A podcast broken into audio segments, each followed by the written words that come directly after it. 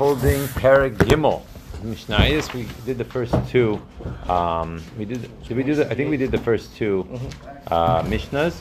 We're up to Mishnah Gimel. Okay, so now we, we're dealing with a very interesting issue here. Um, we know that Truma, Bichlal, right? We know that. I'm sorry. We know that Chala, Bichlal, is something that is given to the Kayan. The question that happens is what happens when it's tame? Now, regular dough, if it becomes tame, is not a problem. Regular people can eat it.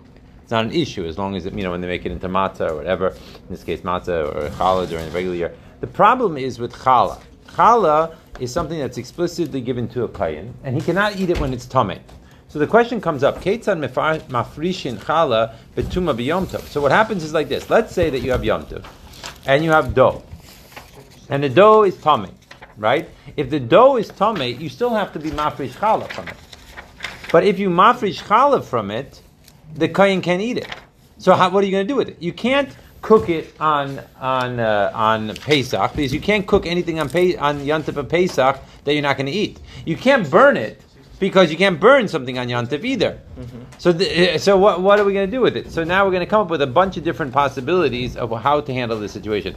Rabbi Lezer Oimer lo sikra lashem ad So the first possibility that Rabbi Lezer says is what you should do is make the, all the dough into matzahs and then separate it afterwards. If you've separated it afterwards, so it's not a problem anymore because it's not going to become chametz now because it's already matzah, so it's not a big deal. And you put it to the side, and obviously you know you'll get rid of it afterwards, and it's not a big deal. So that's possibility number one. Rabbi Yehuda ben Beseira Oimer Tatil B'tzayin. He says no. What you should do is you should separate the challah from the dough and put it into cold water so it doesn't rise. Right? His issue is that he feels that since the matzah is going to eventually be designated as, as challah, that it's not allowed to be baked if it's not allowed to be eaten. You can't bake it on Yontif. So he has a different opinion. Opinion number three is Amar Rabbi Yehoshua, Lo zehu achametz shemuzharim alav babal yirav bal So he says like this, this challah that you're talking about, we are not going to say that that's the chametz that we are being warned of that you can't that you can't see and you can't be found.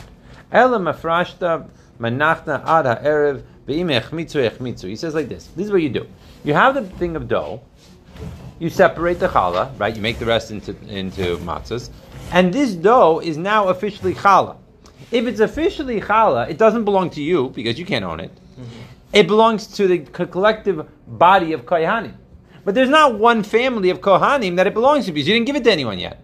So wait until after Yom Tov and then burn it on the night of, uh, of the first day of uh, Cholamayim.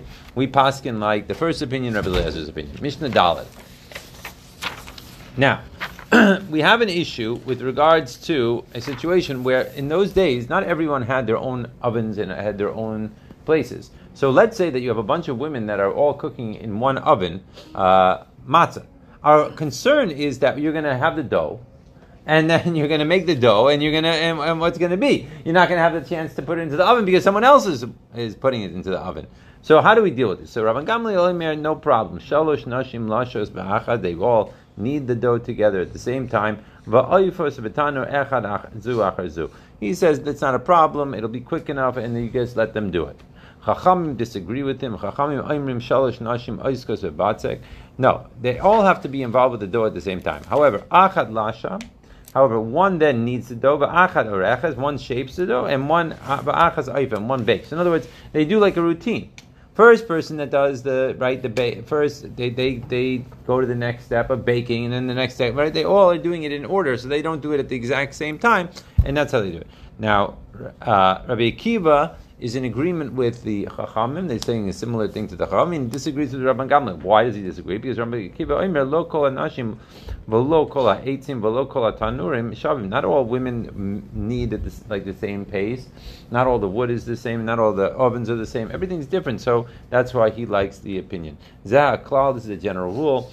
Tafach til toish b'tzainin. If it, however, starts to swell, you see that uh, that it's starting to uh, potentially uh, get bigger to be a chametz, so then she should put cold water in her hands and smear it on the dough, and then it'll stop it. One more mishnah.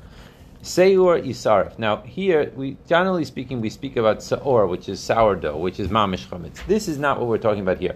Here, we're talking about a dough that has just started to rise. This dough that just started to rise has to be burned.